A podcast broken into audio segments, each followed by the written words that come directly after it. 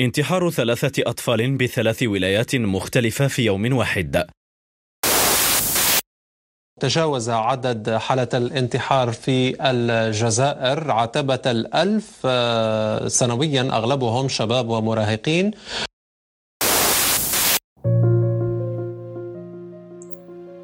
كل أربعين ثانية ينهي شخص ما حياته متعمدا. لم أقل منتحرا لأن وقع الكلمة صعب جدا علي شخصيا وعلى السامعين أيضا كما أتصور. توجد إحصائية مرعبة عن منظمة الصحة العالمية لعام 2019 تقول أن عدد ضحايا الانتحار يفوق عدد ضحايا الحروب وجرائم القتل مجتمعة.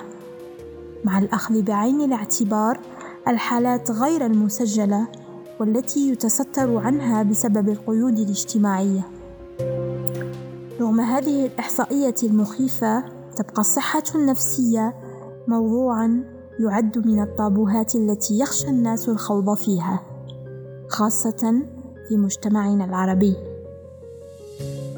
في هذه السلسلة الجديدة من بودكاست تنوين لمسيلة والتي أطلقنا عليها اسم مسافة أمان علها تكون أمانا لمن يعاني بصمت.